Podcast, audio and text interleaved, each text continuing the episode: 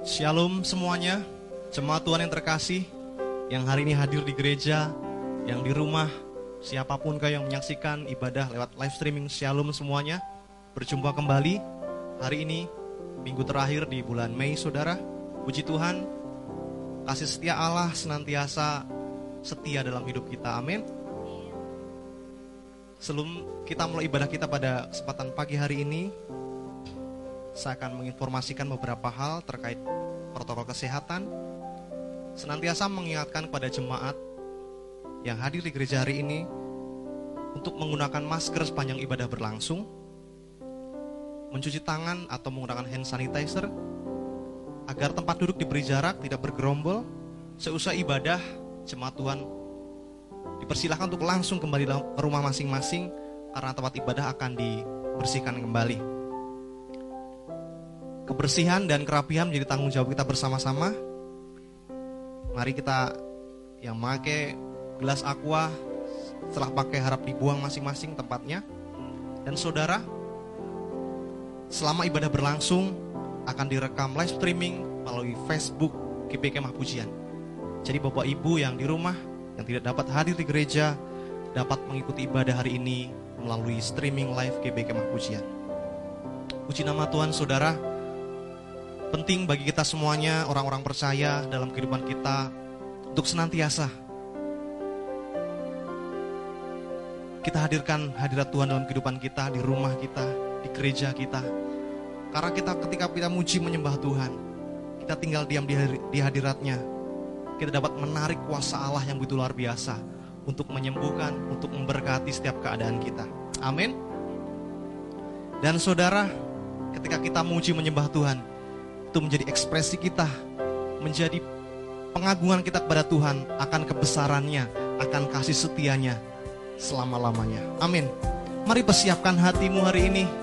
Persiapkan keberadaanmu dengan yang terbaik. Kita mau sembah Tuhan. Kita mau datang pada Bapa kita. Haleluya Tuhan. Betapa kami bersyukur atas pemeliharaan Tuhan. Betapa kami bersyukur atas tuntunan Tuhan yang senantiasa Tuhan nyatakan bagi kehidupan kami. Terima kasih Bapak, terima kasih. Engkaulah Bapa yang setia. Engkau Bapa yang setia. Kau Bapa yang baik. Terima kasih Tuhan Yesus. Hari ini Tuhan, kami mau menyanyikan kebaikan-Mu ya Bapa. Rasa syukur kami yang terbaik kami menyatakan di hadirat-Mu Tuhan. Terima kasih Bapak, terima kasih. Mari jemaat Tuhan, kita angkat pujian kita. Yesus Tuhan dan Allah kami.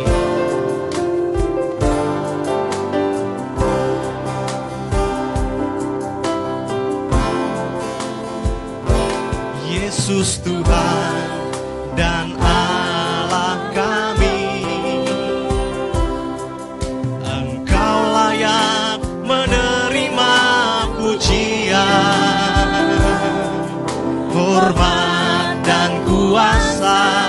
Sebab kau telah ciptakan segalanya.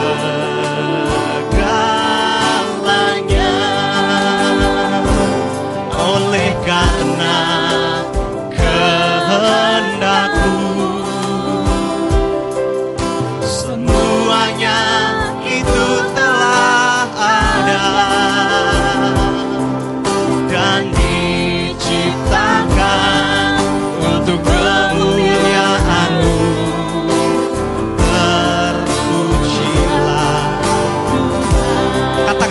lagi saudara.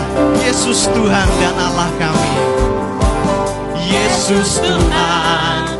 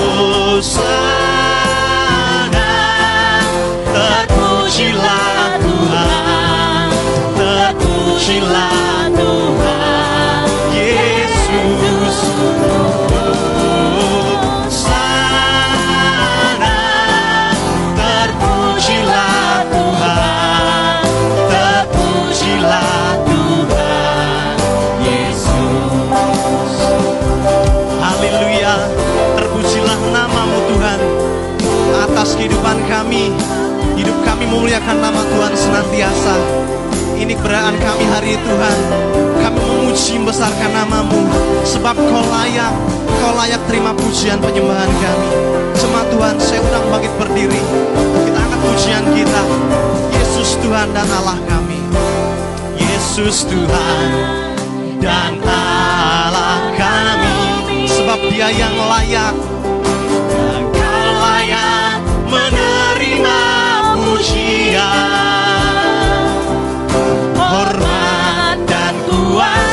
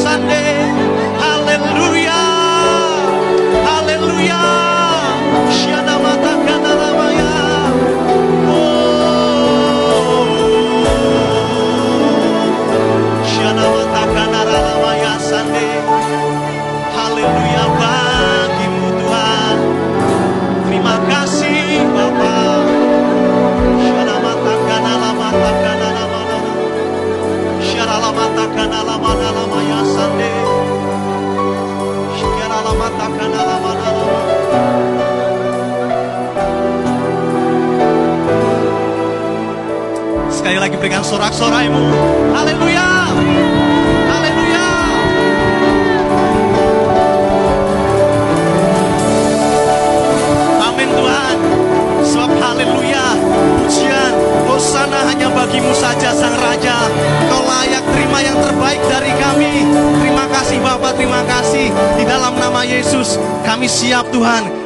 Siap hari ini menyatakan ekspresi syukur kami kepadamu. Di dalam nama Yesus, sorakan haleluya. Amin. Amin. Amin saudara. Yang hari-hari ini yang mengalami kesetia- kesetiaan Tuhan, yang mengalami kebaikan Tuhan, lambaikan tanganmu. Amin. Yuk, bertepuk tangan seperti saya. Kebaikan Tuhan dalam hidupmu. Haleluya.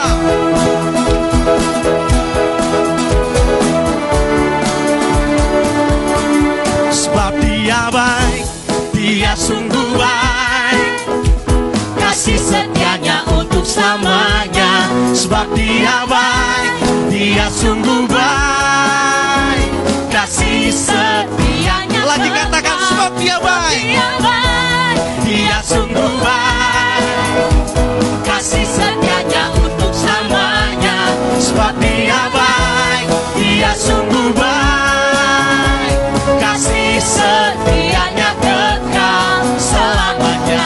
Amin saudara. Amin. Kasih setia Tuhan Sampai selamanya. Nyata dalam hidup kita.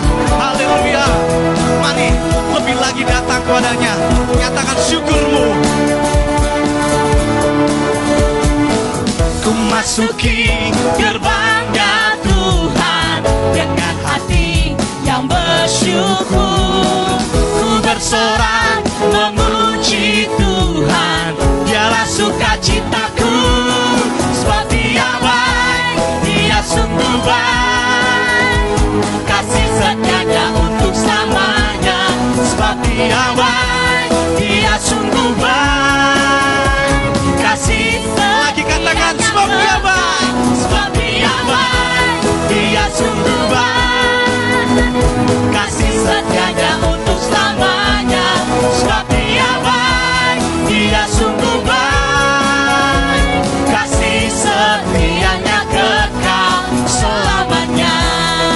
Adakah hari-hari ini Tuhan? Saudara yang meragukan kebaikan Tuhan ada? Tidak ada sayangnya. Kita sama-sama merasakan kebaikan Tuhan saudara. Di Alkitab dijelaskan Tuhan memberikan perumpamaan Tentang anak yang tidak Ya maaf bahasa saya Anak yang kurang diuntung. Orang tuanya belum meninggal Dia sudah minta warisan saudara. Dia pergi senang-senang. Dia pergi pesta pora. Akhirnya dia kelaparan habis sama sekali. Dia pulang ke rumahnya. Apa yang ter- terjadi saudara? Bapaknya tidak marah sama sekali. Bahkan sukacita karena anaknya yang hilang kembali. Dirangkulnya, dipeluknya, diciumnya dengan sukacita yang luar biasa. Itulah Tuhan sedang menyatakan dirinya. Tuhan itu seperti itu saudara. Mari ingat kebaikan Tuhan dalam hidupmu dan angkat pujian ini baginya. Haleluya. Naikkan pujian baginya dengan hati yang bersyukur. Ku naikkan pujian baginya Dengan hati yang bersyukur. Ku rasakan kebaikannya Di sepanjang hidupku. Sebab dia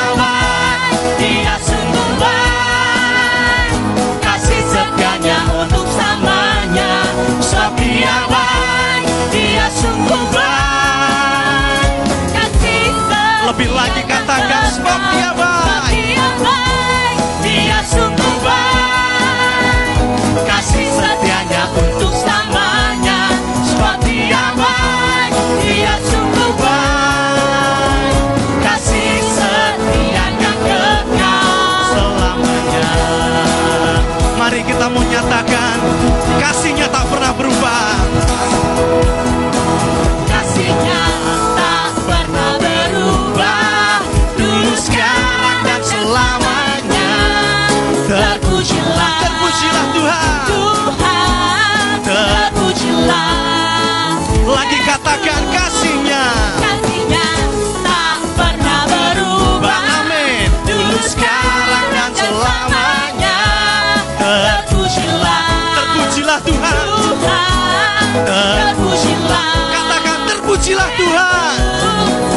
Will your life.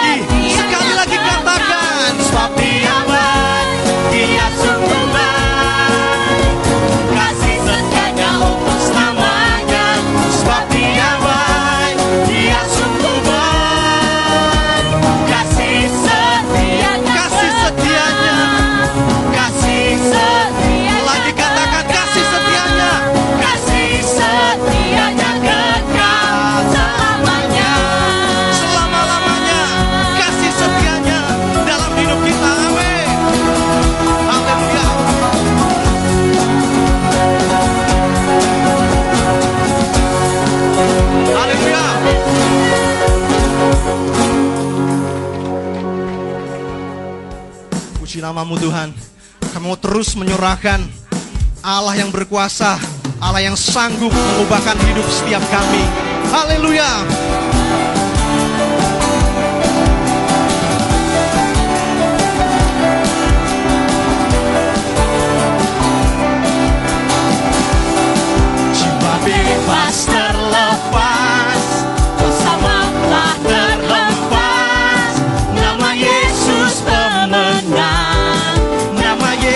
Haste ao alva.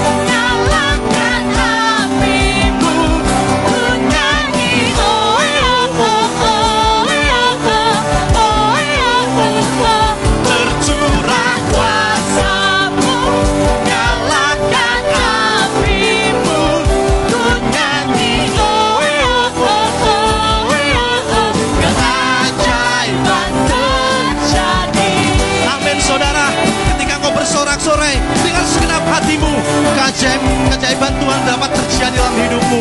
Mari nyatakan nyatakan baginya. Jiwa bebas terlepas. Bebas terlepas. Kuasa telah terhempas. Nama Yesus saja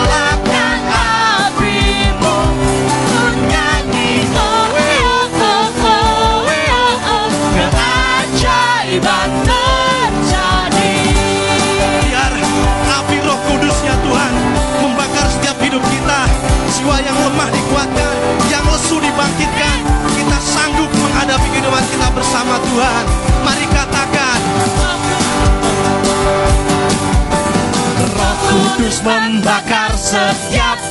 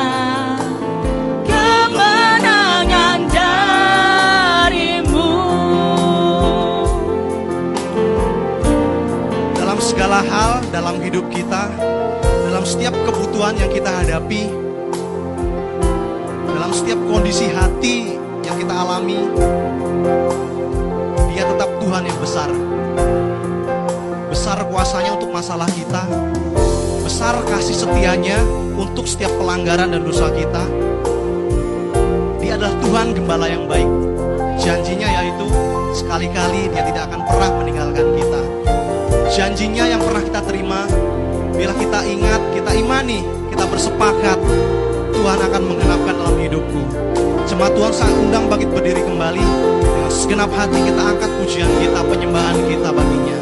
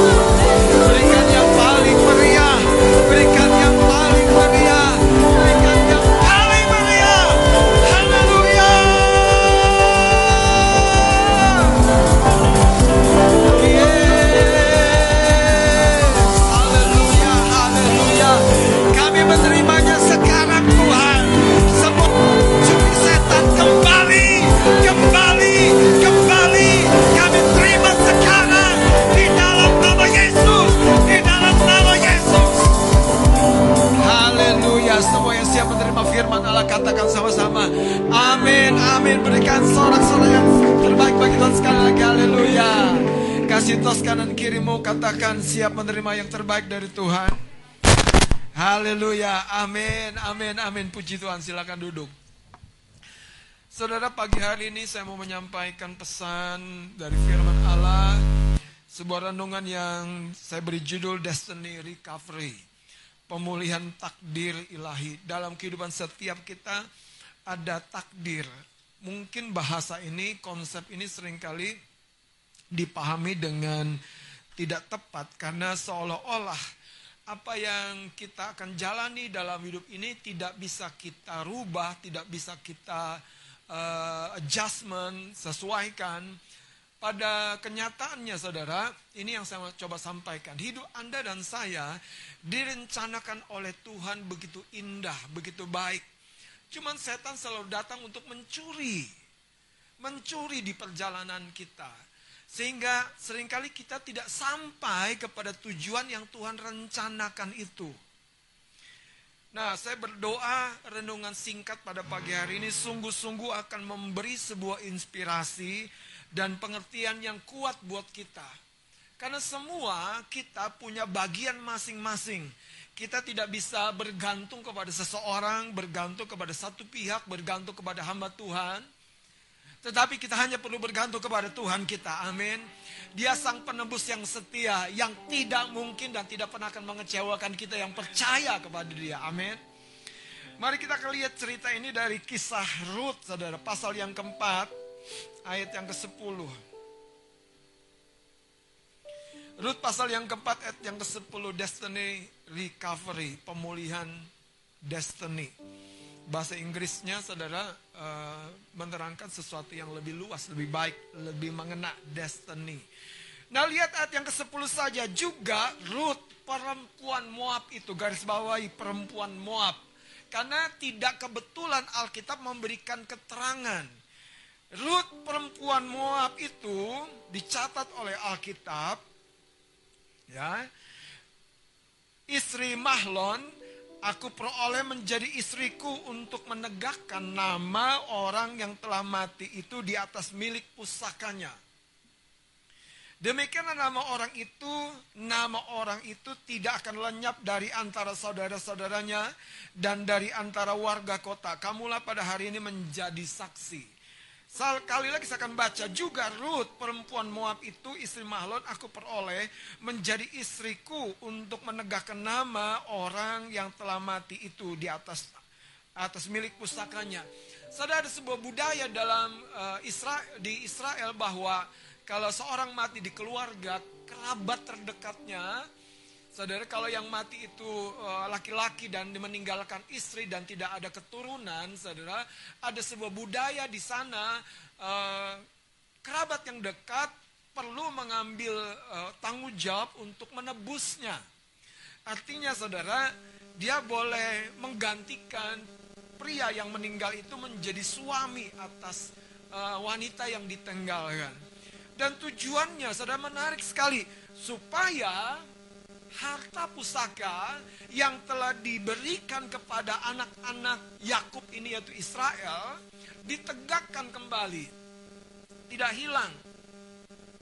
Kenapa? Karena kalau yang meninggal pria, wanita tidak punya hak. Wanita tidak memiliki bagian.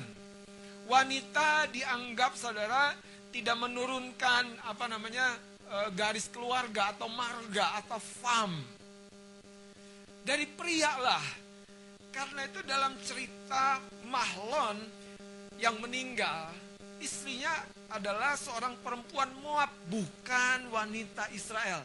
Rasul Paulus berkata begini, tidak termasuk dalam perjanjian. Tidak termasuk. Tetapi dalam cerita ini kita belajar kemurahan Tuhan. Kita melihat kasih setia Tuhan. Tuhan membawa Ruth wanita Moab itu masuk dalam perjanjian. Dan itu terjadi saudara waktu Ruth melewati sebuah proses kehidupan di mana dia memberikan dirinya dalam komitmen yang kuat terhadap Naomi. Siapa Naomi? Mertuanya yang kehilangan dua orang putra, Mahlon dan Kilion. Dan Ruth sebetulnya punya peluang untuk meninggalkan Naomi. Kita tahu ya, ada seorang apa namanya iparan, saudara iparan yang yang kita kenal namanya Orpa. Dan ketika dua orang pria meninggal, mereka punya pilihan untuk meninggalkan Naomi. Kenapa? Karena tidak ada pengharapan. Tidak ada kejelasan. Tidak ada gambaran yang clear di depan. Aku akan seperti apa di depannya. Bahkan Naomi sendiri menolak. Pulanglah, pulanglah, pulanglah. Dia bilang begini, kalaupun kamu tunggu aku sampai punya anak lagi, mana mungkin Naomi dengan ikhlas berkata pulanglah. Tetapi ketika mereka punya pilihan, Orpa meninggalkan Naomi, Ruth tidak. Karena itu karakter Ruth adalah karakter yang kuat sekali yang patut kita teladani sebagai gereja di akhir zaman. Karena setan sedang berusaha mencuri banyak dari hidup kita. Kesehatan kita, keuangan kita, masa depan kita, rumah tangga kita. Itu harta pusaka yang dimaksud sesungguhnya. Tapi apakah Anda ingin mengalami recovery atau pemulihan itu? Tergantung apakah engkau dan saya hidup dalam karakter Ruth yang kuat ini, saudara. Ruth punya pilihan, tapi dia meletakkan pilihannya kepada Naomi. Sama seperti Esther punya pilihan, tapi meletakkan pilihannya kepada Mordekai. Apakah kita punya pilihan, tapi meletakkan pilihan kita kepada diri kita, kedagingan kita, atau kepada Tuhan yang punya rencana. Kalau kita meletakkan pilihannya kepada Tuhan, dialah sang penebus sesungguhnya. Dia mampu saudara membawa kita mengalami pemulihan. Katakan amin. Karena itu jangan kehilangan pengharapan. Ruth tidak kehilangan pengharapan sekalipun dia tidak tahu masa depan seperti apa yang akan dia tuju. Destiny, destinasi tujuan. Tapi Ruth dengan hati yang polos mengikuti apa yang Naomi arahkan. Saudara saya lihat gini, Naomi itu jadi seperti apa namanya? Kalau di sebuah uh, film orang yang mengerti skenario. Ruth hanya pemain, aktris, aktor. Dan ketika Naomi bilang, Boas itu seorang penebus bagi kamu. Kamu punya chance, punya kesempatan. Dan Boas begitu tulusnya dia berkata, aku bukan yang nomor satu, aku nomor dua. Nanti ya, kalau nomor satu sudah berkata aku nggak bisa, aku siap. Dan Boas bilang begini, terpujilah kamu. Kamu tidak menginginkan, kalau anda baca ya cerita Lut itu, pria yang muda, Ternyata buah sudah usia. Kamu tidak menginginkan kegagahan, kemolekan, hal-hal yang wow, tapi kamu menginginkan sesuatu yang baik. Buas itu, saudara, layak diikuti. Saya berada di dalam perjalanan dan kalau dalam perjalanan itu di depan kita yang berkendaraan itu mobilnya lambat, lemot. Kanan enggak, kiri enggak. Dua ruas jalan dia di tengah. Kira-kira gimana saudara? Hah? Gimana? Enggak tahu ibu buat apa siapa yang bawa, saya enggak tahu. Kira-kira gimana? Aduh, kita gimana ya? Dia nggak di kanan, dia nggak di kiri. Kita mau balap, udah telat ke gereja. Kita mau kanan, dia ke kanan. Kita mau kiri, dia ke kiri. Kira-kira gimana saudara? Ini yang saya coba sampaikan. Tapi sebaliknya, kalau di depan Anda itu ambulans. Ambulans itu selalu punya punya kesanggupan untuk menerobos. Ya, dengan dengan apa namanya uh, lampu lampu apa lampu lampu wing wingnya itu ya mengiung-ngiungnya itu itu memberi sebuah isyarat yang luas. Beri aku jalan, beri aku jalan, beri aku jalan. Dan waktu kita di belakangnya menempel ambulan, saudara, ya enggak? Kita seperti disahkan untuk lewat bahu jalan. Kita seperti disahkan untuk lewat apa? Jalur Trans Jakarta. Kita seperti disahkan lampu merah tetap hijau. Punya pengalaman ya Pak ya. Kita seperti disahkan saudara. Harus turun kita naik. Tahu nggak? Siapa yang engkau ikuti itu menentukan. Kalau engkau mengikuti yang kanan enggak, kiri enggak. Aduh. Engkau harus ikuti Yesus Kristus yang sudah menaklukkan maut bahkan meletakkan maut itu di bawah kaki Anda karena engkau adalah tubuhnya dan dia adalah kepala gereja. Kalau pengertian ini engkau tangkap dengan kuat, engkau punya penebus yang sah, yang ketika engkau melekat dan mengikutinya, engkau akan dibawa dari kemuliaan kepada kemuliaan. Engkau bukan kere sekarang, engkau dibawa dari kelimpahan kepada kelimpahan. Masalah kelimpahan materi itu nomor yang kesekian. Tapi waktu engkau limpah dengan pewahyuan dan pengertian akan Kristus. Itu yang Rasul Paulus berkata, kekayaan, kemiskinan gak ada artinya lagi bagiku. Karena aku datang kosong, pulang juga aku akan kosong. Tetapi setiap kali aku punya tujuan, Tuhan pasti memperlengkapi aku. Saudara orang yang seperti ini tidak bisa lagi ditaklukkan. Karena dia tahu setiap Tuhan men-setting tujuan, Tuhan memperlengkapi dia, Tuhan mengurapi dia, Tuhan membawa orang-orang yang akan menyertai dia dalam perjalanan menuju penggenapan rencananya dalam kehidupan orang tersebut. Apakah engkau dan saya orang yang demikian? Yang yakin. Ditolak sekali kenapa? Tidak yakin. Surat, aduh emang gak ada yang menghargaiku, gak ada yang terima aku, gak ada yang ngelirik aku. Keyakinanmu di mana? Haleluya. Karena saya punya cerita, saudara. Teman saya, pendeta Murdiono. Itu berkali-kali ditolak, saudara. Tapi hati-hati jangan mensahkan kata-kata saya ini. Anda nembak terus. Ngotot terus tanya Tuhan. tanya Tuhan. Tapi yang saya mau ceritakan, teman saya itu pendeta Murdiono melamar calon calon istrinya ditolak mentah. Kenapa? Karena teman saya itu Jawa Tulen, orang Kediri, calonnya itu orang Chinese, orang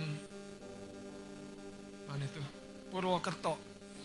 Ke sana balik ditolak, ke sana balik sampai akhirnya bawa temen sesama pendeta. Datang ke sana saudara, ternyata terbuka juga kesempatan. Apa yang saya mau ceritakan begini kekasih-kekasih Tuhan. Jangan biarkan hal-hal yang berharga dalam hidupmu itu menjadi tersia-siakan karena engkau lemah. Jangan hal-hal yang berharga itu tersia-siakan. Engkau punya mimpi, punya perusahaan, punya klinik, punya apa pun yang bagus, yang indah. Engkau punya mimpi, yakin sekali. Tapi tersia-siakan karena engkau lemah. Saya ngomong apa adanya, karena engkau lemah dan tidak mau membangun kekuatan di dalam dirimu. Ruth itu kuat, saudara. Di dalam kelemahannya dia kuat.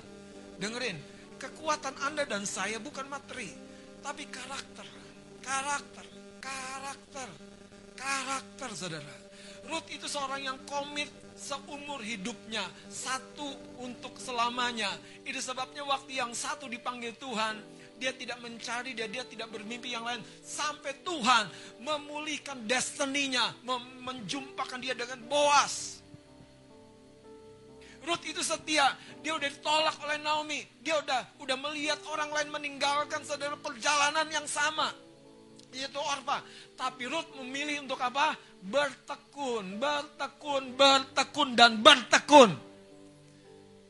Kekasih-kekasih Tuhan, jangan korbankan cita-citamu, mimpimu, saudara. Jangan korbankan hal yang besar dan berharga. Bertekun. Kitab Ibrani berkata engkau membutuhkan ketekunan. Ketekunan apa sih saudara? Ketekunan itu siap sedia menderita dalam kurun waktu yang panjang. Long suffering. Menderita dalam kurun waktu yang panjang. Lagi dan lagi doa, lagi dan lagi menyembah, lagi dan lagi mencari Tuhan. Siap sedia menderita dalam kurun waktu yang panjang. Ibrani 10 berkata begitu. Untuk apa? Untuk kita melihat apa yang kita percayai itu terjadi. Katakan amin. Katakan amin. Katakan amin. Sekali lagi, orang-orang yang lemah tidak akan menuai, tidak akan menikmati, tidak akan melihat penggenapan. Kenapa? Karena harganya adalah long suffering. Katakan long suffering.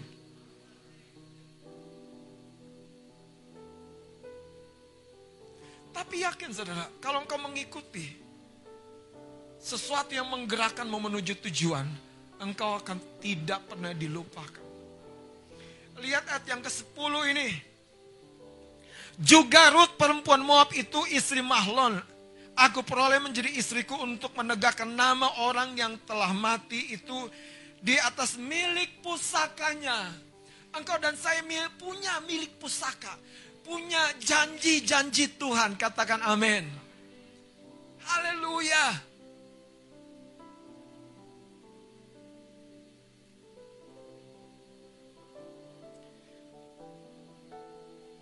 Kita maju saudara. Ternyata Lut, Ruth ya. Ketika dia mengikuti dorongan kehidupannya dan kembali ke Bethlehem dan berjumpa dengan Boas seorang yang murah hati. Dengerin saya. Ruth kerjanya hanya apa waktu dia kembali ke Bethlehem? Tolong dibaca nanti kita perut ya. Jadi kita nggak perlu baca terlalu banyak. Ruth kerjanya cuma mungut. Mungut apa namanya? Jelai yang disabit oleh para penyabit jatuh tersisa.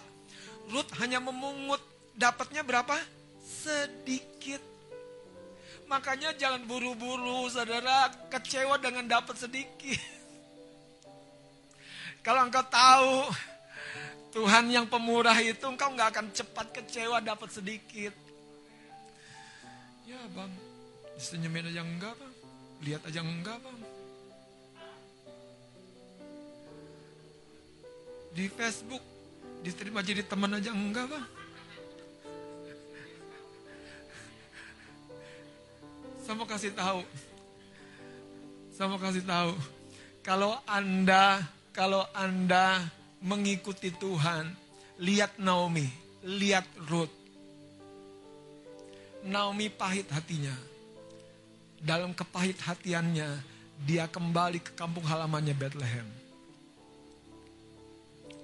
Dan ketika dia kembali ke kampung halamannya, Ruth, gadis muda punya kesempatan, karena menikah suaminya meninggal dia tidak mencari-cari yang di luar daripada rencana Tuhan. Ketika dia memungut jelai di belakang para penyabit itu. Saudara, ini yang saya mau ceritakan. Naomi berdoa, kiranya engkau bekerja di ladang seorang yang murah hati. Wah, itu tugas saya dalam hati saya waktu saya membaca ayat itu. Saya akan berdoa untuk orang-orang yang kelihatannya dapatnya sedikit, peluangnya kecil. Tapi engkau diberi kemurahan hati oleh Tuhan. Sehingga prosesnya bergulung dengan cepat. Anda lihat kan baca cerita Ruth. Prosesnya bergulung dengan cepat. Ruth itu terbuka kesempatan-kesempatan bahkan boleh makan seperti pegawai-pegawainya Boas. Wah kalau baca cerita itu amazing sekali. Yang sedikit, saudara, akhirnya waktu setelah makan, si bos bilang gini, eh takarin jelai kita, gandum kita ke selendangnya. Dia pulang, saudara, membawa sesuatu yang dia tidak pungut. Karena itu dengerin saya, pemulihan keuanganmu datang bukan dari pungut memungut. Percayalah kemurahan Tuhan, amin. Kalau engkau punya selendang, jangan tinggalkan selendangmu di rumah. Selendangmu akan berisi jela yang tidak kau pungut. Haleluya. Kayaknya khotbah buat gadis-gadis ini. Tenang Mas Kris. Tenang Mas Kris. Tenang Mas Adit. Tenang Mas Alfa. Tenang Bang Ais. Tuhan bicara kepada kita semua. Amin. Karena kemurahannya itu melintasi gen, melintasi usia, melintasi jabatan dan predikat, kemurahannya itu diberikan kepada orang-orang yang punya ikat janji dengan. Hari ini kalau engkau tahu engkau adalah anak-anaknya, engkau sudah termaterai oleh darah Yesus, sah Haleluya. Kami kemarin Sabtu mengikuti acara adat pesta adat Batak itu wah mantep. Enak banget, sejuk. Kaki itu pasti segar. Dari pagi ke sore. Perut ya pasti kenyang. Cuman mata harus berbinar-binar pakai doping, ganjel saudara. Karena talking-talkingnya banyak sekali. Belum nari-narinya. Apalagi kalau sudah nyanyi anak Medan, Bang Ju. Waduh, anak Medan, anak Medan. Itu mereka bukan anak muda loh. Ibu-ibu menari-nari, saudara. Lupa masih pandemi. Sampai yang punya acara bilang, tolong, tolong, ingat kita masih pandemi. Dan yang saya mau cerita begini saudara. Kami hadiri pernikahan keponakan kami ini menikah dengan orang Banyuwangi. Orang Banyuwangi. Dan dia orang Jawa. Dapat marga Huta Galong, marga istri saya, marga kakak. Marga keren. Marga orang besar.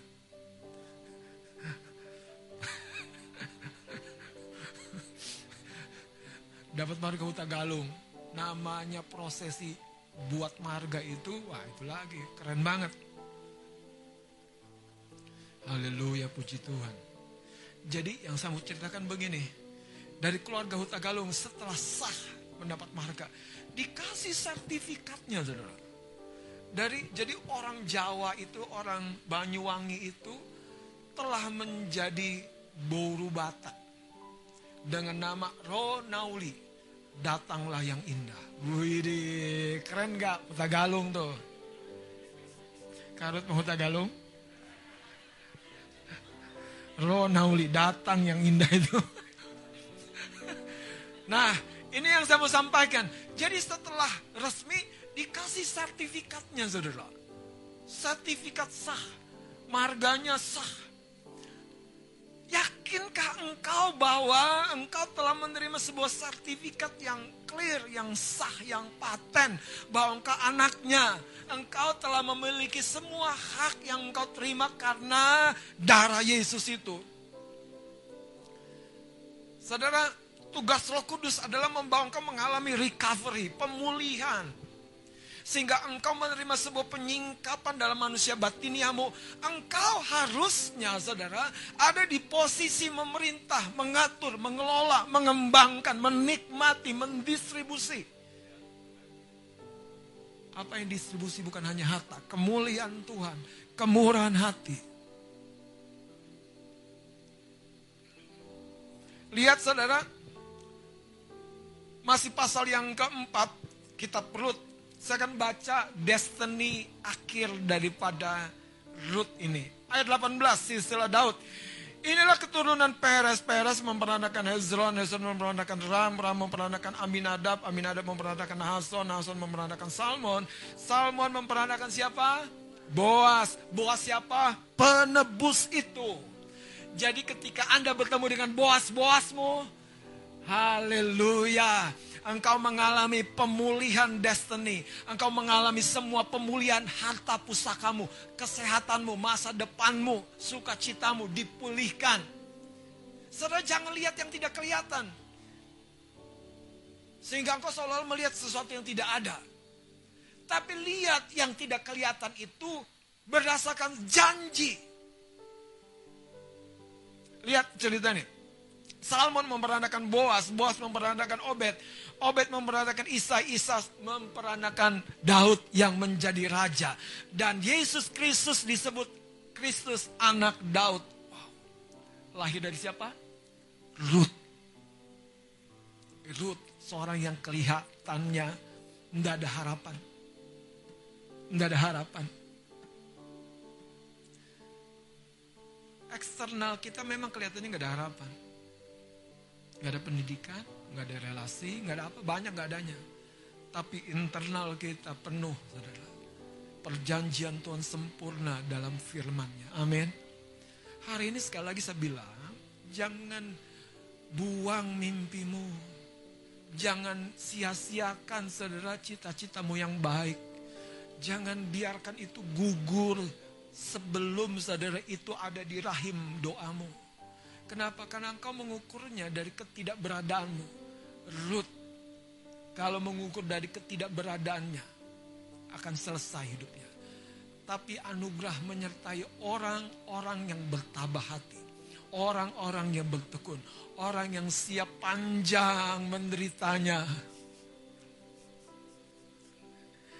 Jadi kalau masih pendek menderitanya, bilang sama Tuhan, Tuhan,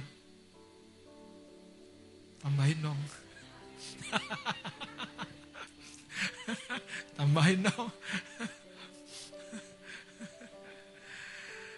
Oke, kekasih-kekasih Tuhan, saya berdoa ini akan menyingkapkan banyak hal yang luar biasa dan besar dalam hidup kita. Dua karakter yang saya mau sampaikan. Yang pertama, Ruth itu, dia seorang yang seperti tadi sudah saya sampaikan. Dia seorang yang tabah, tabah, tabah.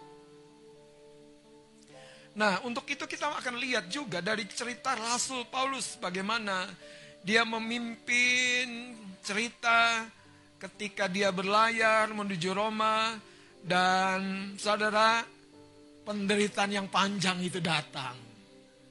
Tapi dengarkan saya, ketabahan yang membuat engkau tidak menurun, tapi makin berkualitas, makin matang, makin siap berbuah lebat. Karena prosesnya akan mengerjakan sesuatu yang besar.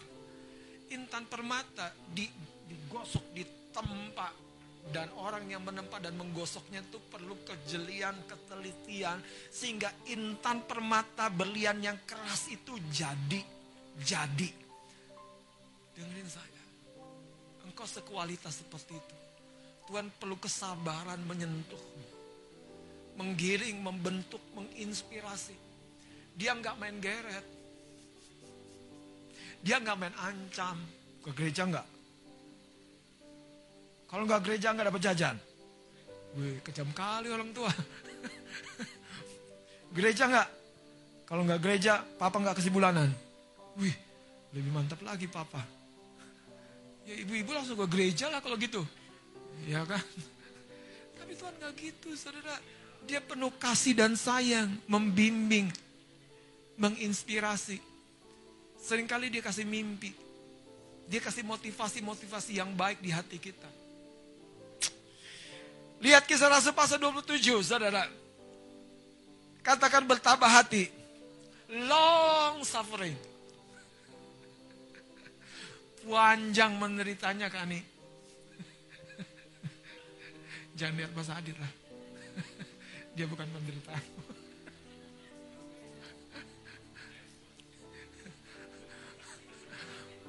Buas yang menjadi boas.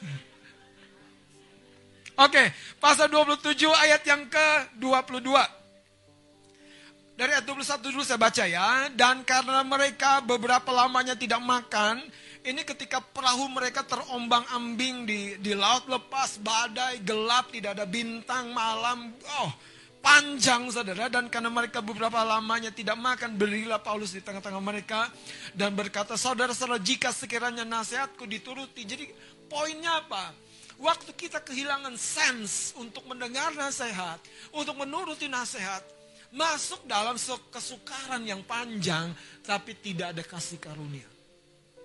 Tapi waktu Anda masuk dalam penderitaan yang panjang, tapi kau dengar dengan nasihat, ada kasih karunia. Ini yang saya bilang, jatahmu panjang tapi diperpendek Tuhan. Hmm. Dengerin saya, betul. Jatamu panjang, tapi kau diperpendek Tuhan karena engkau taat. Kau dengar-dengaran. Kau nggak ngeyel-ngeyelan sama Tuhan. Lihat cerita ini saudara. Paulus berkata, saudara-saudara, jika sekiranya nasihatku dituruti supaya kita jangan berlayar dari kereta, pasti kita kita pasti terpelihara dari kesukaran dan kerugian ini. Tetapi sekarang, ini dia yang saya katakan, Tuhan memulihkan destiny kita. Juga dalam kesukaran ini aku menasihatkan kamu. Dengar nasihat Tuhan. Supaya kamu apa? Bertabah hati. Bertabah hati. Inilah yang dimiliki Ruth ketika ditinggalin Orpa. Kalau Anda punya teman, udah duluan melanglang buana. Percayalah, engkau punya jatah dan waktumu sendiri. Jangan kejar yang tidak Tuhan sediakan. Lihat cerita ini saudara. Paulus berkata, supaya kamu tetap bertabah hati, sebab tidak seorang pun di antara kamu yang akan binasa kecuali kapal ini. Kalau kita mengikuti tadi, mobil seperti apa di jalan, itu menentukan kita ada di kondisi mana. Waktu mereka mengikuti nasihat apa namanya klasik-klasik prajurit-prajurit. Mereka masuk dalam kesukaran.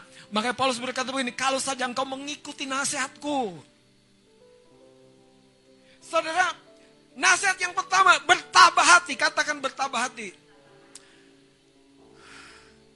Kayaknya masih kurang mantep nih. Karena bertabah hati itu nggak enak loh, betulan nggak enak. Saya mau ceritakan saudara. Waktu saya kecelakaan sepeda motor patah kaki kiri saya tulang tulang besar di kaki kiri saya patah. Dan kaki saya dibalut begitu rupa selesai operasi disambung pakai pen dan dan dan ternyata saudara ada satu masalah lain yang tidak terlihat yaitu uh, kaki kiri saya itu bukan hanya patah di tulang keringnya tapi geser. Jadi saudara ujung pangkal paha saya itu mangkoknya pembungkusnya itu retak. Dan dokter bilang begini, ada dua proses ditawarkan, mau operasi tapi operasinya mahal, rumit. Karena seperti menjahit saudara dengan halus. Menjahit dengan halus, tulang-tulang yang retak. Kedua adalah terapi, yaitu ini dia, dia bilang begini. Jadi kaki saya dibungkus, dikasih beban kira-kira 6 kilo. Jadi kaki maaf, terangkat begini supaya longgar dulu dengan mangkok mangkok di pangkal paha saya, longgar dan mangkok ini yang retak pulih. 6 kilo. Jadi itu menahan kira-kira beban kira 21 hari dalam badan yang babak belur waktu itu. Dan paling nyaman adalah kalau tidak ada yang berkunjung. Cuman namanya anak-anak Tuhan kan. Udah rajin banget berkunjung. Rajin banget. Kenapa?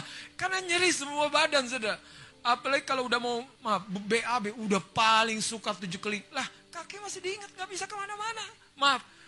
Long sufferingnya itu really really. Abang saya Bang David paling tahu saudara. Maaf.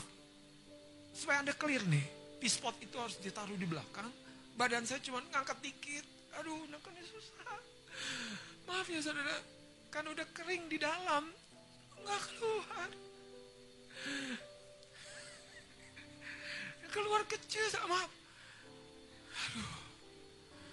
Udah benar benar benar maaf lagi maaf maaf seribu maaf. Ini saya ceritain supaya anda paham. Jadi diambillah sendok kecil, ujungnya tumpul itu dikorek dari belakang. Suaki. Suaki tenang.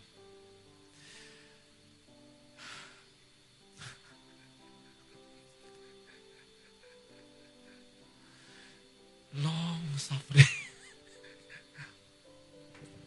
Waktu itu ibu gembala belum jadian. Datang jenguk saudara dipijit-pijit kaki. Nggak tahu dipijit saudara senangnya sebentar. Karena yang masalah bukan ujung kaki saudara. Masalah seluruh badan. Makanya kalau anda lagi long suffering jangan nyalain orang. Jangan nyalain teman, nyalain pasangan. Katakan begini, Makasih Tuhan Yesus. Aku nikmat bersamamu. Kadang malam ya, lagi mau pipis, maaf kata. Abang saya kan jaga di, di samping tempat tidur. Saya teriak, gak bangun. Rupanya lagi mimpi ke surga abang saya. saya lemparin sesuatu gak bangun juga. Aduh. Udah di, di, di, di kasur itu saya menikmati yang namanya long suffering.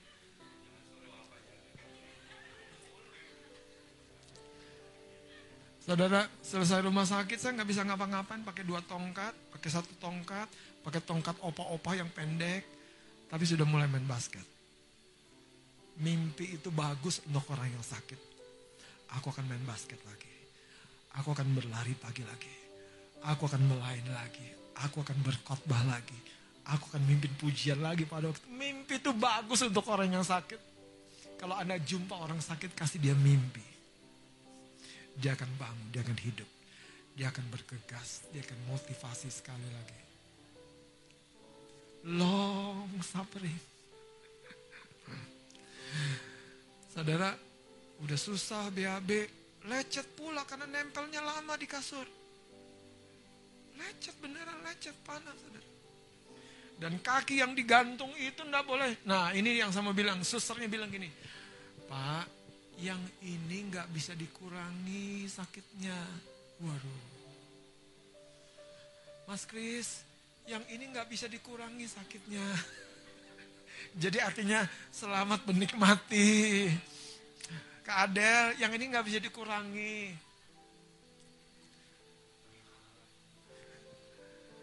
Teman-teman jangan punya mimpi nanggung. Long suffering, bertabah hati kalau Tuhan kasih janji jangan menyerah. Impikan itu tiap-tiap kau bangun, tiap-tiap kau tidur, impikan itu.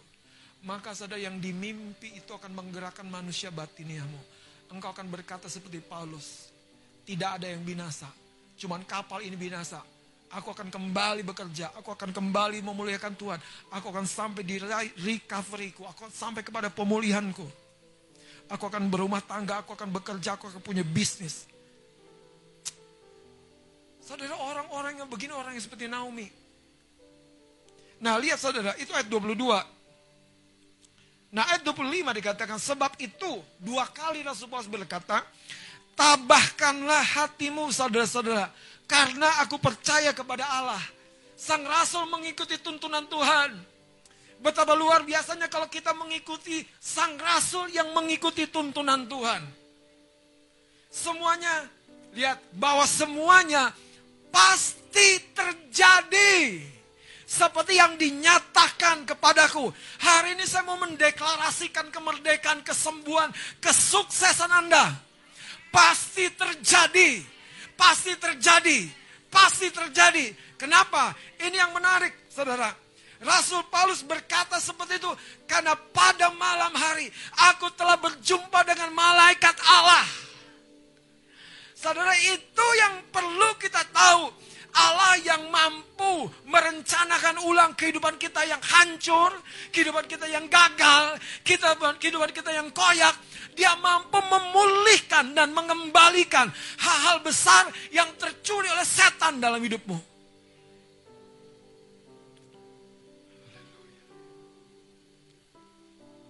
Sekalipun prosesnya masih berlangsung. Karakter yang kedua yang Anda perlu miliki seperti Ruth memiliki adalah ini poinnya. Dengar-dengaran saudara. Dengar-dengaran. Saul selalu berbantah dengan Samuel. Berbantah. Tapi Daud dengar-dengaran. Ditegur karena dosanya. Ya aku bersalah. Dikoreksi. Dia mau dengar-dengaran. Mazmur 32 berkata, jangan engkau seperti kuda atau bagal yang kalau mau dikendalikan kegarangannya harus dengan tali les. Diikat. Dengar-dengar itu hati yang lembut. Lembut saudara. Dengar-dengaran itu artinya menyimak. Bukan seperti Marta yang sibuk. Maria dengar-dengaran. Dengar-dengaran itu artinya seperti Maria berkata, aku ini hamba Tuhan jadilah padaku seperti yang kau katakan. Itu dengar-dengaran. Dan orang seperti Lut, menerima semua bagiannya yang memang tidak hilang. Dia menerima semua pemulihan yang dikerjakan oleh Boas. Siapa penebus kita? Yesus Kristus. Firman ini sebenarnya bicara tentang Injil, kuasa Injil yang sudah menebus engkau dari kehidupan, kehancuranmu, akibat dosa, akibat si jahat. Hari ini jangan buang sekali lagi mimpi-mimpi yang besar dalam hidupmu. Alami, nikmati, raih saudara, raih, raih. Saya berdoa saudara, kita tahu bahwa Tuhan setia. Itu sebabnya jangan biarkan kita tergoyahkan ketika kita menjalani proses. Satu hari ada seorang anak Tuhan kerja di luar negeri. Dalam masa krisis Indonesia, dia nggak jadi pulang. Sampai pada batas waktunya dia harus pulang. Sayang, peluang kerja yang ditawarkan di Indonesia tutup. Tutup, kenapa? Karena sudah ada orang di posisi itu. Tapi karena dia tidak bisa stay lebih lama lagi di luar negeri, dia kontak kami berdua. Kami bilang pulang, percaya Tuhan buka jalan. Sampai di Indo, saudara, sekian bulan mengandalkan yang tersisa. Pungutan sedikit-sedikit.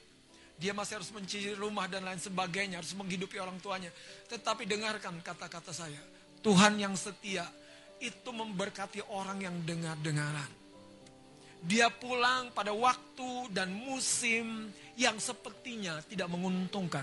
Sampai di Indo berapa bulan kemudian posisi yang sebelumnya ditempati oleh orang yang dia rasanya nggak berharap. Itu orang yang menempati posisi itu keluar. Cuman berapa bulan kerja dan posisi itu kosong kembali. Dan ketika posisi itu kosong kembali, dia diterima dengan baik. Yang saya mau sampaikan saudara. Setiap orang yang dengar-dengaran selalu akan menuai, menerima blessingnya. Waktu selalu kejadian itu terjadi, saya makin diteguhkan bahwa Tuhan rancangannya itu kebaikan semata-mata. Jalan tertutup, pintu tidak terbuka lagi. Tapi bukan berarti dia meninggalkan engkau. Sang penebusmu kuat. Sang penebusmu sudah bangkit. Sang pembela dan penebusmu ada dan siap sedia. Pertanyaannya buat kita, apakah engkau siap bertabah hati? Apakah engkau dan saya siap dengar-dengaran? Mari kita bangkit berdiri.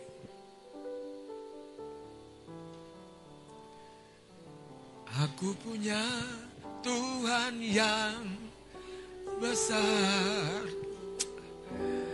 Berjanji dan sanggup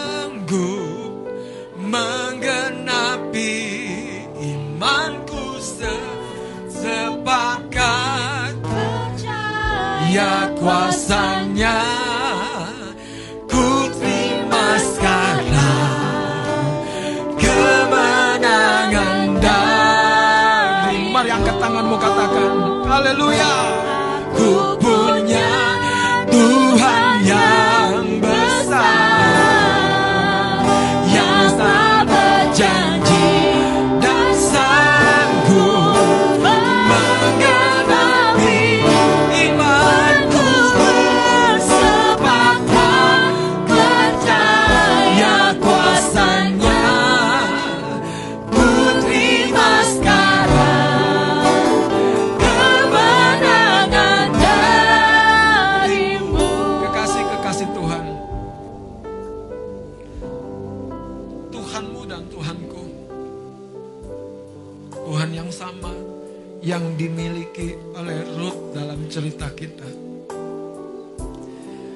Menilai dengan penilaian yang sama yang dia lakukan.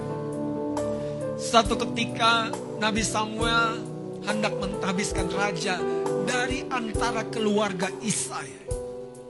Lewatlah kakak-kakak Daud dari hadapan Daud. Samuel sang nabi melihat kegagahan kakak-kakaknya berkata, "Oh, ini dia. Ini dia raja." Tapi saudara Tuhan berkata begini, dengarkan saya. Manusia menilai yang di luar. Tapi aku menilai hati.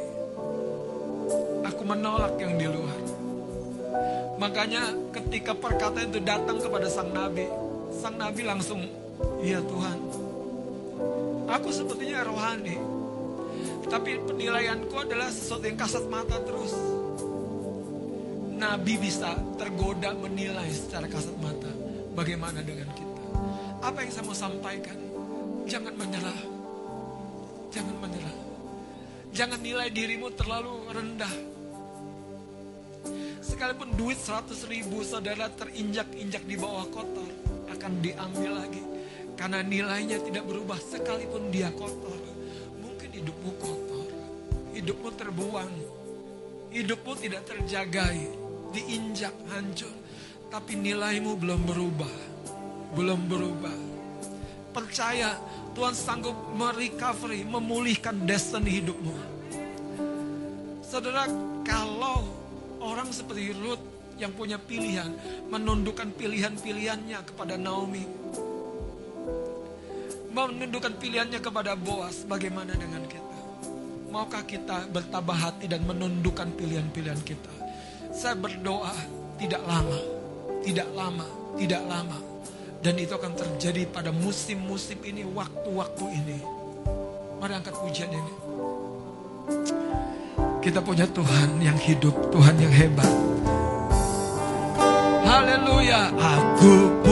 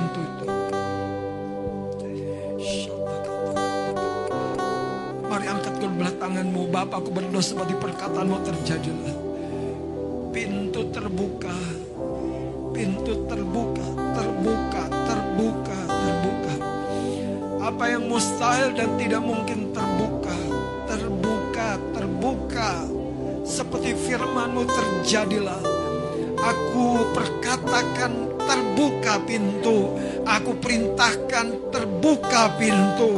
Apa yang tidak mungkin menjadi mungkin sekarang. Menjadi mungkin sekarang. Terjadi dalam nama Yesus. Terjadi dalam nama Yesus Kristus. Kira romasakan alami karina lamasakana. Bapak ibu saudara, kalau engkau punya mimpi-mimpi yang rasanya terlalu besar, terlalu berat. Kadang persoalan sudah menindis engkau jauh di bawah. Engkau seperti terinjak-injak, kau rasanya tidak berarti. Kau rasanya tidak punya harga diri lagi. Dengarkan perkataan Tuhan hari ini. Dia yang akan membuka pintu adalah penebusmu yang kuat. Angkat lagi tanganmu percayai. Bawa beban-beban hidupmu. Biarkan mimpi-mimpimu akan menceritakan kemurahan Tuhan, kebaikan Tuhan. Pintu peluang bisa secara kasat mata sudah ada orang mengisinya. Tapi tidak ada yang mustahil bagi mereka yang percaya. Tidak ada yang tidak mungkin lagi bagi mereka yang percaya. Tidak lagi ada yang tidak mungkin. Pagi hari ini Bapakku berdoa biar anak-anakmu kalau ketika dunia ini mengimpit, mengambil, merampas, mereka kehilangan Tuhan pengharapan. Mereka melihat diri mereka seperti tersingkir dari pertandingan. Hidup mereka seolah-olah tidak beruntung. Hari ini engkaulah penebus itu. Yesus Kristus yang sudah bangkit dan sudah menang. Engkaulah penebus itu. Engkaulah boas bagi Rut itu. Kami mengangkat tangan dengan percaya Yesus Kristus Tuhan. Biar kemurahanmu turun pada setiap anak-anakmu. Pada setiap tangan yang lemah, kuatlah kembali. Pada setiap langkah yang goyah, tegaklah kembali. Tuhan pada mata yang buram, pada mata yang sayu, pada mata yang kehilangan cahayanya, berbinarlah kembali. Berbinarlah kembali menatap hari esok bersinarlah kembali melihat janji-janji Tuhan tergenapi dalam hidupmu. Terjadi itu, terjadi itu, terjadi itu, terjadi sesuai dengan kepercayaanmu. Terjadi itu, terjadi itu dalam nama Yesus. Anak-anak muda bahkan engkau akan menjadi berkat bagi orang tuamu. Engkau tidak lagi menjadi keluh kesah. Engkau akan menjadi berkat bagi orang tuamu. Sekali lagi angkat tanganmu. Berkat yang kau telah peruntukkan itu. Terjadilah. Dipulihkan. Dipulihkan. Dipulihkan. Mereka akan seperti Daud Tuhan. Membawa nama Isai naik ke permukaan. Membawa nama Isai termasyur, terdengar. Mereka akan disebut oleh karena anak-anak mereka yang hidupnya memuliakan Tuhan, yang hidupnya menggenapi rencana Tuhan, maka keluarga mereka akan mulai disebut lagi, marga mereka akan disebut lagi, orang tua mereka yang putus dan hilang harapan akan bersuka cita kembali. Tanah pusaka mereka akan dimiliki lagi di dalam nama Yesus. Mereka bukan keluarga miskin tidak berdaya, terpukul penuh hutang, tapi mereka keluarga yang dipulihkan, keluarga yang bermurah hati, keluarga yang keluarga yang menanamkan tiang-tiang pancang kemurahan Allah lah yang melakukan semuanya ini terjadi di dalam nama Yesus. Generasi ini tidak akan berlalu begitu saja. Tahun ini tidak akan berlalu begitu saja. Sampai semua yang hambamu perkatakan terjadi dalam nama Yesus. Yang mengangkat tangan dan percaya katakan amin, amin,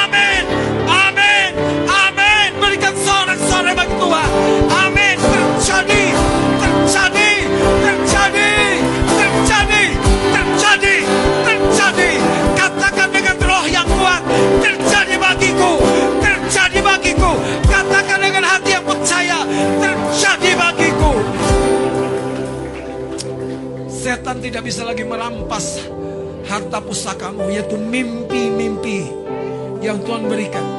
Dunia tidak bisa lagi merampas, karena penebusmu kuat bersamamu. Terima kasih.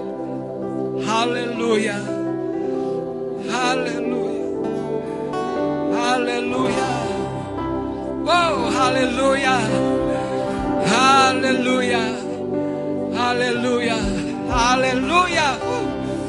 Yes, haleluya. Haleluya. Haleluya. Di dalam manusia batin saya, di dalam roh saya, saya saya melihat seperti sebuah panggung tirai tirai panggungnya itu tersingkap terbuka tirai panggung itu yang sebelumnya tertutup tersibak tanda pertunjukan akan segera dimulai. Haleluya. Tuhan aku percaya pertunjukan kehidupan anak-anakmu akan segera dimulai. Haleluya. Haleluya. Haleluya. Haleluya. Yes. Haleluya. Haleluya. Terima kasih Bapak Kekasih-kekasih Tuhan Kalau selama ini mungkin kau meninggalkan panggilan Tuhan Kau lari mengikuti hal-hal yang berasal dari manusia lahiriahmu, cita-cita dagingmu Bahkan kau mungkin mundur merasa tidak berdaya. Mari ikuti doa saya. Tuhan Yesus, Engkau penebusku yang kuat. Aku tahu aku tidak bisa berdiri sendiri. Aku perlu Engkau. Bimbing aku. Tuhan Yesus, oleh roh kudusmu. Inspirasi tiap malam, tiap pagi. Beri motivasi baru biar aku tidak seperti orang-orang di kapal itu, tapi biar aku seperti Paulus yang berdiri. Karena aku berjumpa dengan engkau pada waktu malam, aku berjumpa dengan engkau pada waktu. Aku akan berkata, tidak ada yang binasa di tengah-tengah kita. Keluarga kita akan baik dipulihkan. Pekerjaan kita akan tumbuh dan maju, bisnis kita akan diberkati. Tuhan aku mengucap syukur kehadiranmu lebih dari segalanya. Terima kasih Bapa, bimbing kami, bimbing kami di dalam nama Yesus yang mulia dan ajaib. Haleluya. Sama Sama-sama katakan amin. Beri tepuk tangan bagi Tuhan Yesus. Haleluya. Puji Tuhan silakan duduk Bapak bisa dikasih oleh Tuhan. Saudara, saya percaya panggung sudah disibakkan. Dan layarnya seperti saudara ditarik ke kanan ke kiri. Dan ada pertunjukan dari kehidupan anak-anak Tuhan yang akan dipertontonkan. Saya berdoa, siap, saudara, siap, siap, siap. Amin, siap. Esther sepertinya belum cukup siap sampai Mordekai bicara pribadi. Kadang-kadang saudara kita bisa kehilangan motivasi. Makanya kalau Anda perlu bertemu dengan kami, datang saja saudara, telepon saja, datang saja. Kita ngopi di mana, ngobrol di mana, nggak ada halangan. Karena prinsipnya sederhana. Mereka yang bertabah hati, mereka akan menyelesaikan prosesnya. Iya. Dan Paulus itu menceritakan begitu sederhananya, bertabah hati, bertabah hati. Kenapa? Karena malam tadi malaikat dari tata Allah itu Gabriel datang dan memberi sebuah kepastian. Dan Paulus percaya itu. Ya, sebabnya dia mem- dia menjadi berbeda sekali dengan banyak orang yang lain. Puji Tuhan, saudara. Destiny recovery hidup kita dipulihkan. Destiny hidup kita dipulihkan. Amin. Puji Tuhan, kita akan berdoa untuk anak-anak gereja anak di mana pun Bapak Ibu Saudara ada di rumah.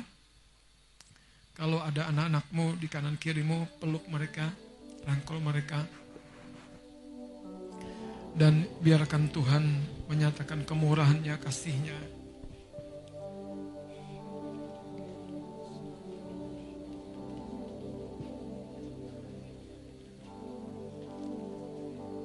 Baik, yang di gereja ternyata yang remaja-remaja.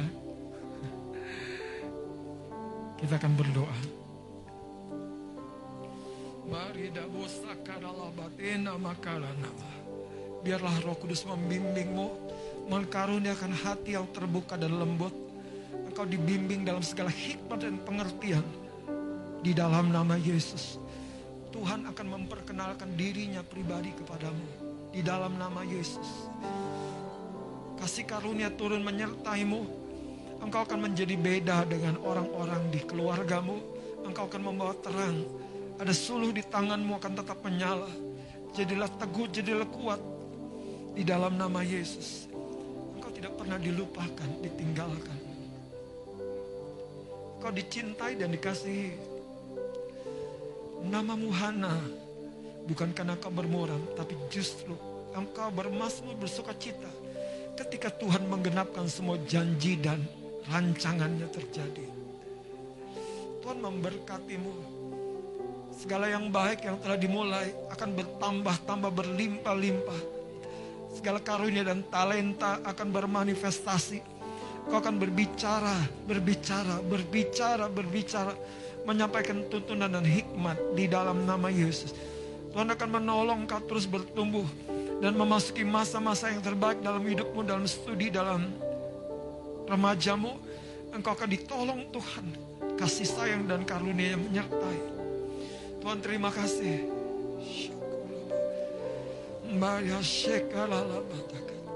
Penyertaan Tuhan ada dalam hidupmu. Engkau tidak akan patah. Engkau akan sembuh lagi, bangkit lagi, berdiri lagi, bernyanyi lagi. Kakimu akan seperti kaki kijang atau rusa yang melompat kegirangan. Karena melihat bukit yang hijau. Kasih karunia menyertai dalam nama Yesus.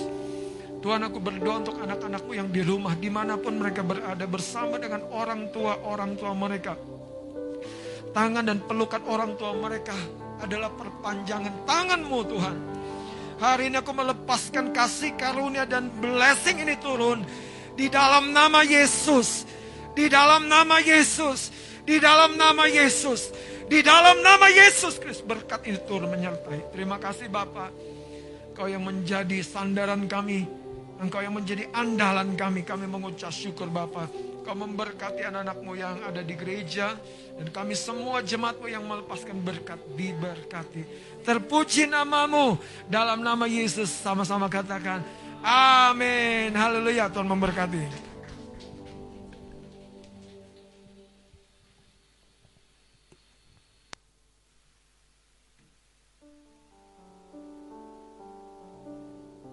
Puji nama Tuhan. Selanjutnya saudara, saya akan sampaikan pengumuman hari ini, hari Minggu, tanggal 30 Mei tahun 2021. Pengumuman yang pertama,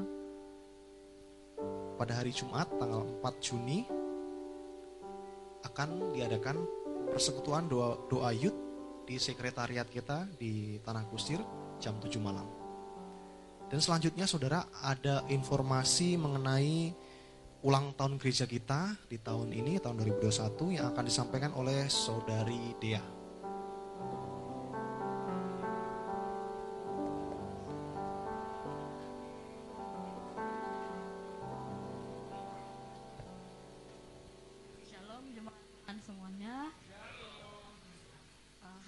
Saya akan menyampaikan untuk eh, pengumuman gereja kita berapa bulan ke depan. Dan saya puji Tuhan saya dipercayakan untuk menjadi ketua panitia untuk acara ulang tahun gereja tahun ini. Dan kami panitia akan segera memberitahukan kepada jemaat untuk kegiatan acara ulang tahun gereja kita kami berharap supaya kita bisa bersama-sama retreat di luar dengan protokol dan kesehatan protokol kesehatan yang kita akan terapkan. Dan karena itu doakan kami setiap panitia untuk dapat memutuskan yang terbaik untuk acara ulang tahun gereja kita. Dan kami panitia juga akan mengundang bapak ibu sekalian untuk menabung bersama-sama untuk kegiatan acara ulang tahun kita supaya kita punya kesanggupan lebih untuk acara kita ini dan nanti kami panitia akan memberikan satu amplop seperti ini. Dan per keluarga akan mendapatkan satu amplop terkhusus untuk anak-anak cute yang muda dan single kami berikan amplop ini satu-satu.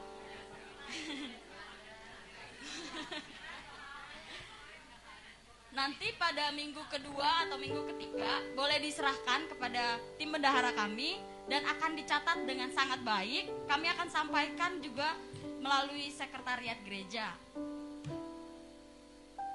Dan untuk Bapak Ibu yang berada di rumah, amplop ini boleh diambil di sekretariat atau kami akan titipkan kepada sanak saudara terdekat. Dan biarlah kita bersama-sama sehati untuk acara ulang tahun gereja kita ini dan semuanya biar untuk kemuliaan nama Tuhan. Tuhan Yesus memberkati. Terima kasih Saudari Dea atas pengumuman eh, ulang tahun gereja kita di tahun ini. Biar segala yang dipersiapkan, segala yang diputuskan, Tuhan memberkati semuanya. Amin. Baik, saudara, sebentar kita akan memberikan persembahan. Saya undang petugas yang bertugas hari ini. Mari persiapkan persembahanmu, saudara. Persembahan hari ini dilakukan satu kali dan bagi jemaat yang di rumah, persembahan dapat ditransfer ke rekening bendahara ataupun dititip ke sekretariat gereja. Baik, mari kita berdoa bersama. Tuhan, betapa kami bersyukur karena Engkau telah baik dan senantiasa akan baik dalam kehidupan kami, Tuhan. Kau berkati kami lewat pekerjaan kami, lewat karya usaha kami, Tuhan. Semuanya Tuhan berkati, Tuhan. Terima kasih. Tuhan yang berkati hari ini persembahan kami. Ini yang kami persiapkan, Tuhan. Biarlah menyenangkan hati Tuhan. Dan boleh menjadi berkat untuk pekerjaan di rumahmu ya Bapa. Kau yang berkati setiap pelayanmu yang hari ini bertugas, yang mengelola persembahanmu. Semuanya kau berkati dengan hikmat, tuntunan Tuhan senantiasa. Terima kasih Bapak, terima kasih. Kami siap memberi yang di gereja yang di rumah. Dalam nama Yesus, haleluya, amin. Sembari kita memberikan persembahan, kita angkat pujian. Sebab dia Tuhan yang baik.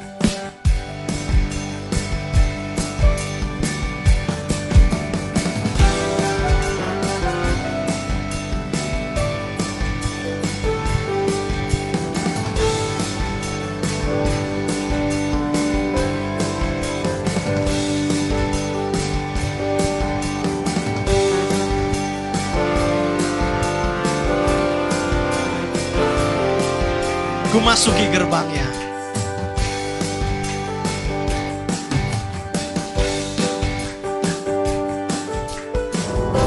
Yuk, saudara.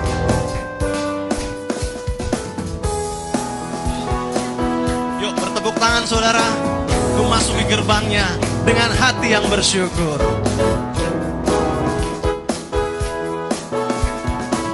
Ku masuki gerbangnya Tuhan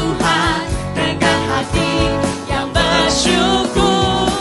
Ku bersorak memuji Tuhan, dialah sukacitaku, sebab dia baik, dia sungguh baik. Kasih setianya untuk selamanya, sebab dia baik, dia sungguh baik. Kasih setianya kekal selamanya. Orang-orang yang merasakan kebaikan Tuhan, mari yang sudah memberikan persembahan, saya undang bangkit berdiri. Kita angkat pujian ini kembali dan kita akan berdoa bersama mengakhiri ibadah kita pada siang hari ini. Sama-sama. Ku rasakan kebaikannya yang bersyukur.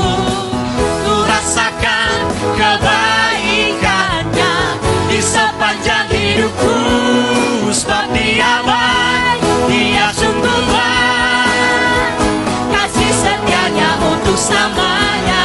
Sebab dia baik, dia sungguh baik. Kasih lagi sekali saudara, sebab dia baik. Sebab dia baik, dia sungguh baik. Kasih setianya untuk selamanya. Sebab dia baik, dia sungguh baik.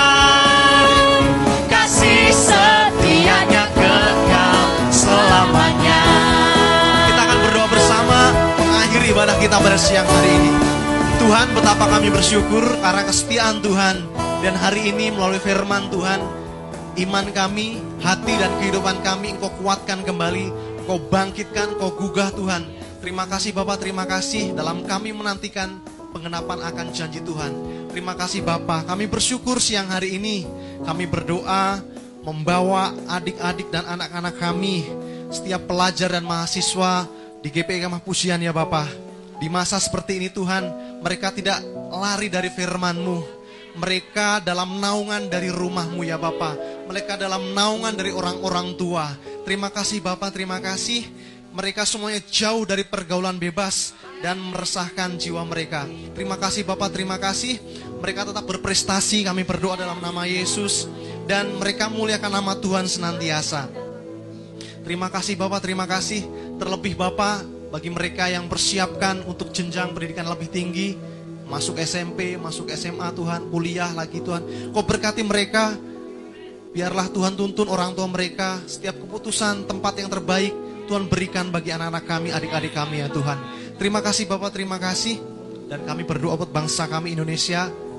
Kami berdoa Tuhan, ada keamanan, ketentraman di bangsa kami. Setiap keputusan yang dibuat oleh pemimpin bangsa kami, Tuhan berkati. Tuhan nyatakan, Tuhan hadir di sana ya Bapak. Terima kasih Bapak, terima kasih. Bangsa kami bangsa yang makmur, bangsa kami bangsa yang beruntung ya Bapak. Jauh dari segala korupsi Tuhan, di dalam nama Yesus. Terima kasih Bapak, terima kasih. Oh yang berkati kami setiap Tuhan jemaatmu di GP Kemah Pujian, setiap karya usaha kami, setiap apa yang kami kerjakan Tuhan buat berhasil. Tuhan berkati kami semuanya dengan melimpah-limpah. Terima kasih Bapak, terima kasih. Kasih setiamu bagi kami sampai selama-lamanya. Dan kami akan terima berkat Tuhan pada siang hari ini melalui Bapak Gembala.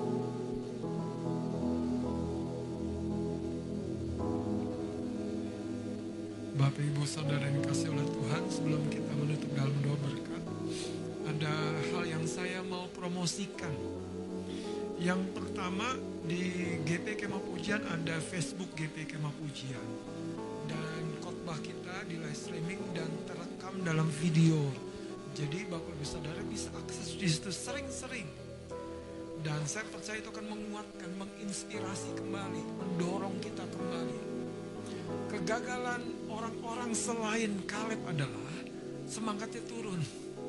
Tapi Kaleb tetap bersemangat. 45 tahun sudah lewat, dia bilang, aku masih sama kuat. Dan kedua, ada Spotify kita. Spotify. Jadi khotbah kita direkam utuh di dalam bentuk audio, Anda bisa akses.